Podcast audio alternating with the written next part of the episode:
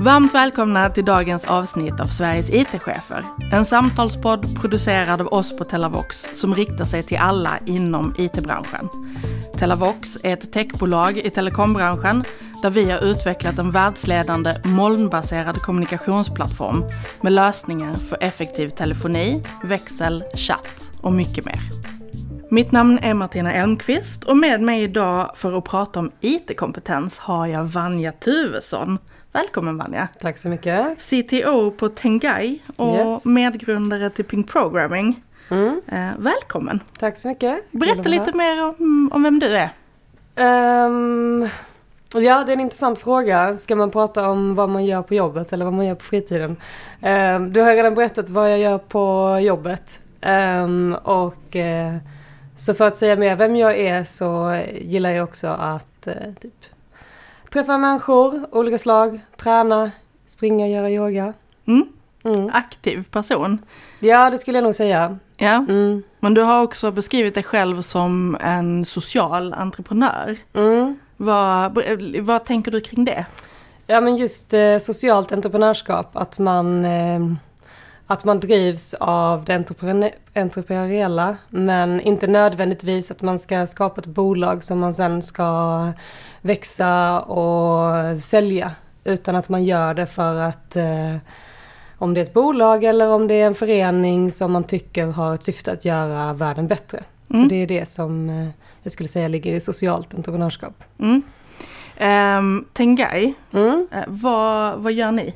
Eller vad gör företaget? Ja, vi gör eh, världens första fördomsfria intervjurobot för rekrytering. Mm, jag har sett lite bilder, ser väldigt spännande ut. Ja, eh, det är svårt att beskriva, man ska nästan se det och uppleva det för mm. att förstå vad det innebär.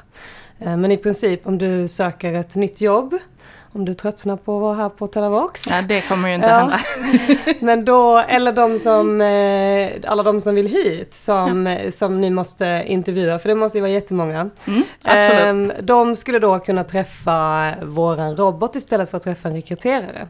Tanken med det är att eh, rekryterare som alla andra människor, vi har ju jättemycket fördomar. Mm. Så att vi bildar vårt första intryck av någon liksom, på några sekunder baserat på utseende, ålder, bakgrund, sådana saker. Eh, men roboten har inga sådana fördomar utan den eh, gör sin bedömning utifrån kompetens. Mm.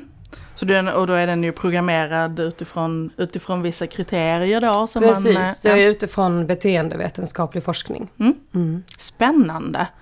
Uh, och där är du då teknisk chef mm. för företaget. Och vad gör du då lite mer specifikt? Ja, så mina, eh, mina kollegor, de har ju eh, många av dem bakgrund inom HR och rekrytering. Mm. Så de kan ju allt om den här beteendevetenskapen och teorin bakom det. Mitt jobb handlar om att översätta detta till eh, tekniska krav och tillsammans med utvecklingsteamet göra verklighet av, eh, av det här som, eh, som rekryterarna behöver. Mm. Spännande! Mm. Väldigt också så här spjutspetsteknologi kanske? Ja, det är väldigt kul tycker jag. Det är väldigt många olika tekniker som man kombinerar. Mm. Coolt!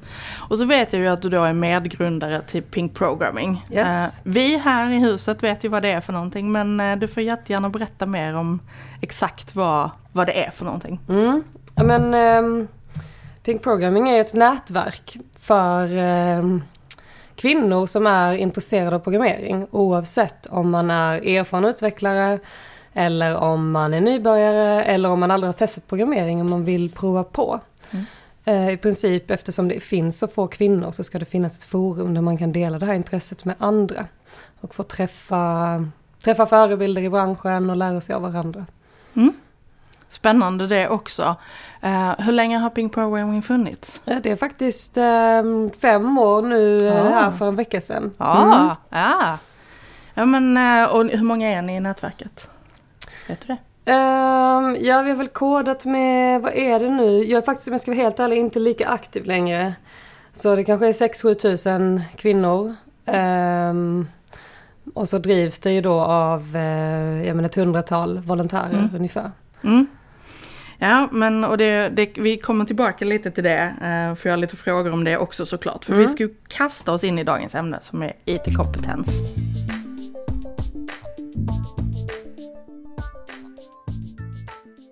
Redan 2022 så ser det ut som att vi kommer sakna cirka 70 000 utvecklare för att fylla behov och efterfrågan. Och universitet och lärosäten och så här kämpar ju för att kunna utbilda fler. Mm. Men eh, hur kommer det sig att vi har det här stora glappet? Mm. Eh, jag tror det finns lite olika anledningar, men eh, ganska snabbt har vi ett jättebehov av att alla branscher ska digitaliseras. Eh, och man pratar mycket om att AI tar över världen och så här. Medan jag kan tycka att, eh, hallå vänta lite, vissa branscher är inte ens klara med sin digitaliseringsresa. Mm. Att vi är inte riktigt där än. Så det finns så otroligt mycket kvar att göra. Um, och där har vi liksom inte hunnit med att, att utbilda folk. Och uh, där kan jag tycka att jag personligen, jag har pluggat i fem år. Uh, och det funkar inte om alla ska plugga i fem år för att kunna jobba i IT-branschen. Utan vi måste ha snabbspår mm. för att liksom fylla, upp, uh, fylla upp det här. För att det har svängt så himla fort. Och när man, um, i alla fall när jag var yngre så hade man ju ingen aning om att det såg ut så här man hörde ju inte talas om att man kunde jobba med IT eller vad det innebar eller vad programmering var och sådär. Så att jag tror liksom inte att man inser det förrän man redan kanske har gjort en utbildning och man hamnar på en arbetsplats där man ser att oj, här behövdes det andra typer av kompetenser än de som jag har fått på min utbildning. Mm. Så du tänker också att det här kanske skulle börja redan tidigare på, på grundskolenivå? Ja, alltså nu om jag har förstått det rätt så tror jag att man har ju infört programmering i skolan men fortfarande inte som ett eget ämne. Det rätta mig om jag har fel. Men Nej, jag tror inte det heller. Jag tror att det har liksom precis kommit in och om det nu är den branschen som har störst behov, hur kan det inte vara större fokus på det i skolan? Sen kanske det inte är för alla, men hur ska man få folk att välja detta? Mm. Om de inte ens vet att det finns. Nej, Nej men då säger jag, det verkar ju finnas en, en som, eh, som sagt ett stort glapp och också ett stort behov och i digitaliseringsresan men kanske också saknas en del kompetens eh, i utbildningsvärlden för vad man egentligen ska titta efter och leta efter. Ja, jag tror att um, jag ja, men gissar nu igen att det kanske inte är så lätt att göra ändringar jättesnabbt inom eh, läroplan och sådär. Men det är det vi behöver göra. Vi måste anpassa vad vi lär oss efter eh, det som är aktuellt. Mm. Ja, för att det glider ju liksom sen över till, jag lyssnade inför det här på en eh, BBC-podcast som heter Y-Factor. Uh, och 2019 hade de ett avsnitt som hette Why aren't there more women in computer science? Um, och det var ju superintressant, det var ju också såklart ur en brittisk och amerikansk kontext och inte helt uh, överförbart på svenska förutsättningar. Men du jobbar ju också med de här frågorna varje dag. Vilka är dina insikter av liksom konsekvensen att vi har en väldigt homogen grupp av mest män som jobbar inom det här fältet? Hur, hur kan vi attrahera fler kvinnor och icke-binära? Mm, ja, det är flera frågor där. Ja, många um, frågor på en gång. Nej men alltså konsekvenserna av eh, att vi har en homogen grupp det är att vi inte får lika bra resultat. Um, däremot på kort sikt så funkar det väldigt bra i en homogen grupp. Man kommer liksom up to speed väldigt snabbt. Man förstår varandra och man har roligt tillsammans och sådär. Så med, en, med mer mångfald i gruppen så kan det vara mer utmaningar i början. Men jag tror slutresultatet blir mycket bättre och det finns ju eh, mycket forskning som visar på det också. Mm. Eh, och att det blir mer innovativa lösningar. Så att så länge man kommer över den där pucken så har man ju eh, ett bättre resultat att vänta. Mm. Och personligen så tycker jag att det är ju jättetråkigt att eh, jobba i ett team där alla är likadana. Eh, och det gäller inte bara kön utan det gäller ju många olika faktorer. Mm. Mångfalden överlag är ju, är ju en viktig fråga. Um, för där finns det ju kanske inte heller lika mycket forskning på, nu har man fokuserat på jämställdhetsfrågan, men kanske inte lika mycket forskning på andra kulturella bakgrunder till exempel och andra uh, bakgrunder överlag. Eh, mm. vad man kommer in med för värden. Jag tänker koppla till, till där du jobbar nu på Tengai att man har valt en AI-lösning på ett fält som kanske inte var så digitalt eller, eller där inte digitalisering och användning av AI kanske var så uppenbart. Mm. Eh, till exempel. Och den idén hade kanske inte kommit fram om, när, i en väldigt homogen grupp. Kanske. Kanske. Mm.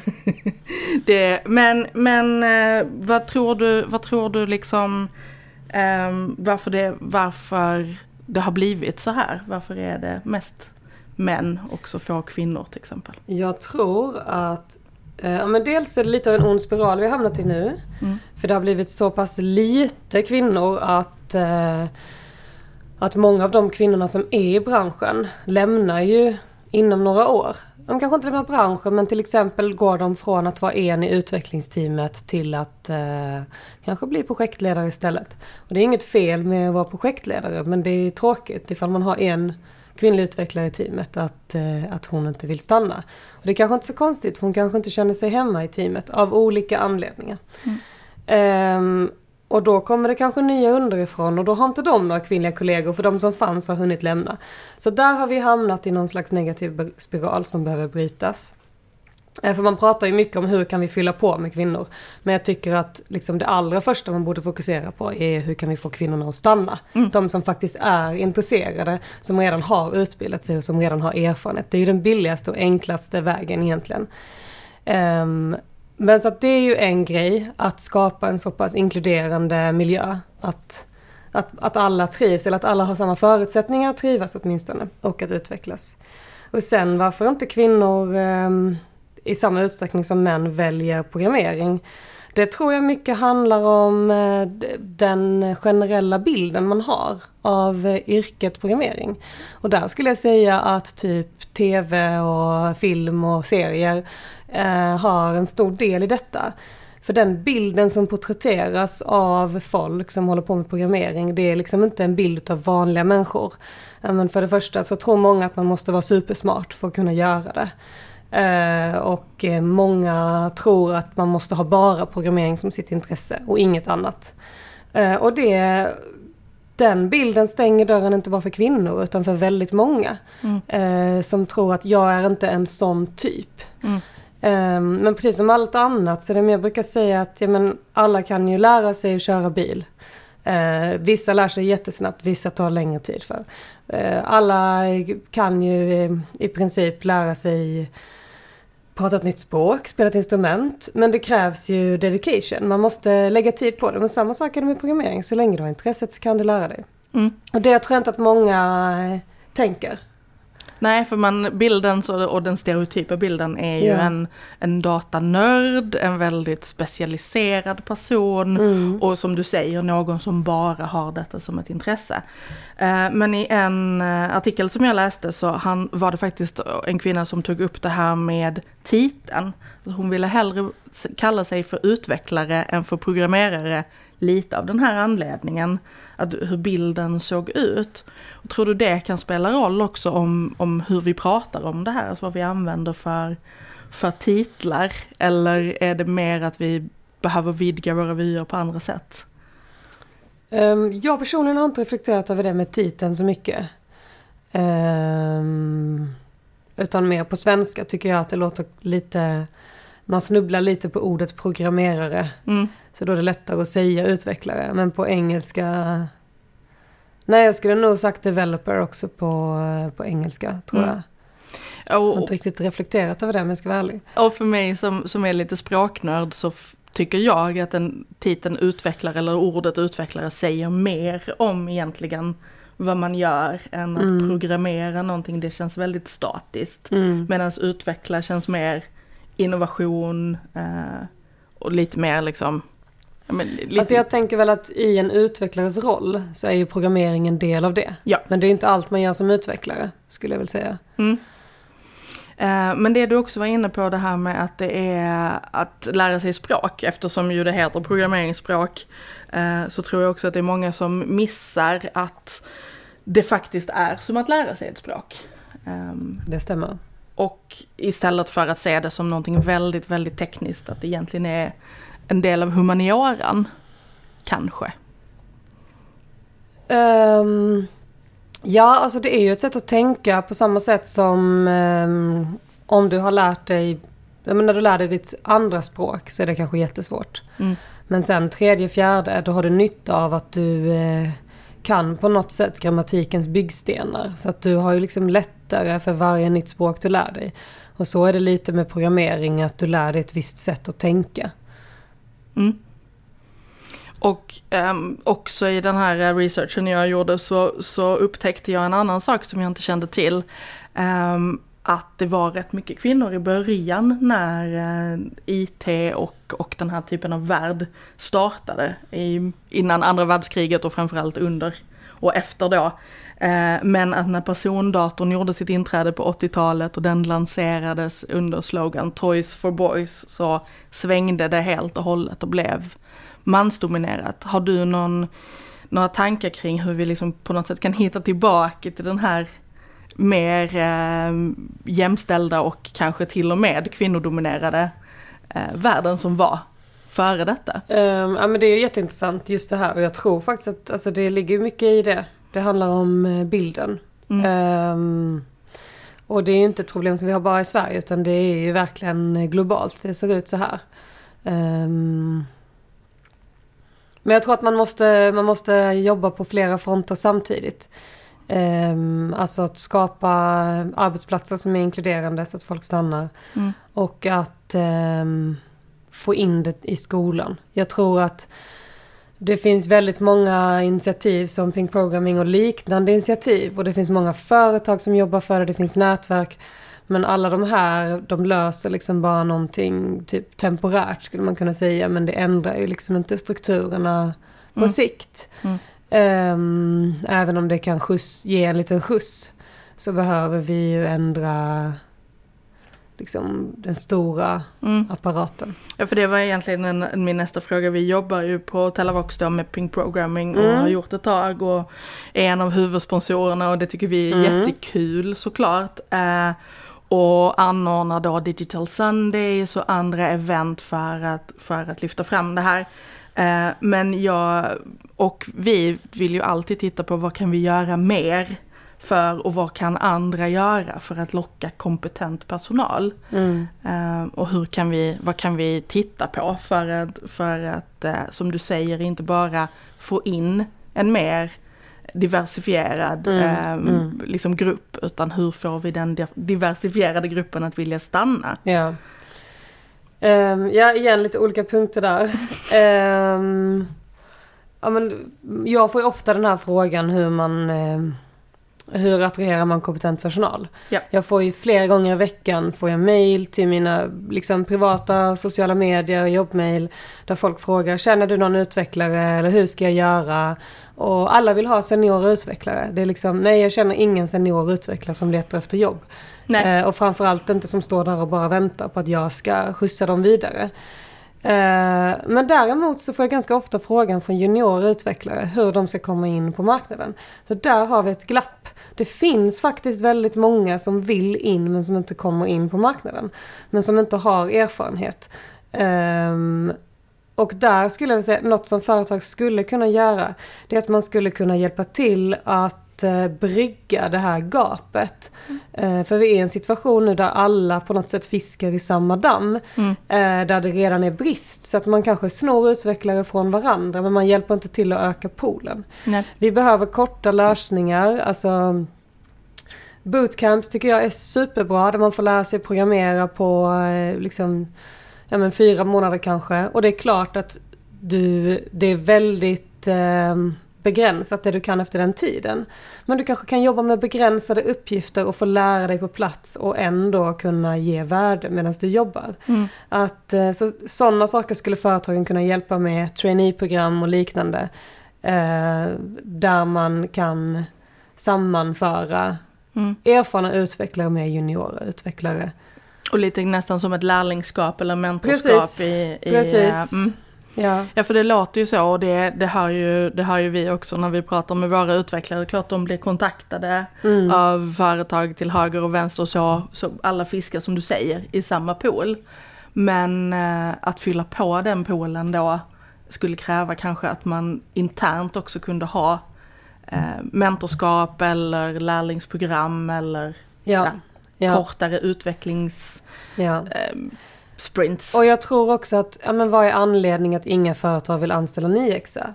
nyexade. Ja, men det måste ju vara för att de inte har tillräckligt med kunskap när de är nyexade. Mm. Då är det ju någonting i utbildningen som yep. gör att den inte är tillräckligt praktisk. Så jag skulle väl också liksom skicka med det till uh, utbildningarna att det är jätteviktigt med praktik till exempel som en del av utbildningen eller att man kanske tar fram uh, arbeten, praktiska, där eleverna inte behöver skriva tentor utan får göra uppgifter tillsammans med företag i regionen. Mm. Så att de faktiskt besitter den minimikunskap som behöver för att få ett jobb som juniorutvecklare. Mm. Och kunna visa det som ett arbetsprov. Ja, eller så. Mm. Precis. Det finns ju massor med andra utbildningar som också har praktikperioder så att säga. Ja. Eh, och under praktikperioderna får man ju då träna sig och lära sig och, och också lära sig vad företagen faktiskt mm. vill ha. Mm. Eh, men, men, ni har väl något mm. liknande program här på Telavox? Precis, vi har haft eh, lite olika sådana program nu under de här eh, pandemitiderna så har ju saker och ting stannat av lite tyvärr. Men eh, vi har jobbat en del med olika sådana här program också för att kunna öka kompetensen. Ehm, så det, men det finns alltid så mycket mer eh, man kan göra.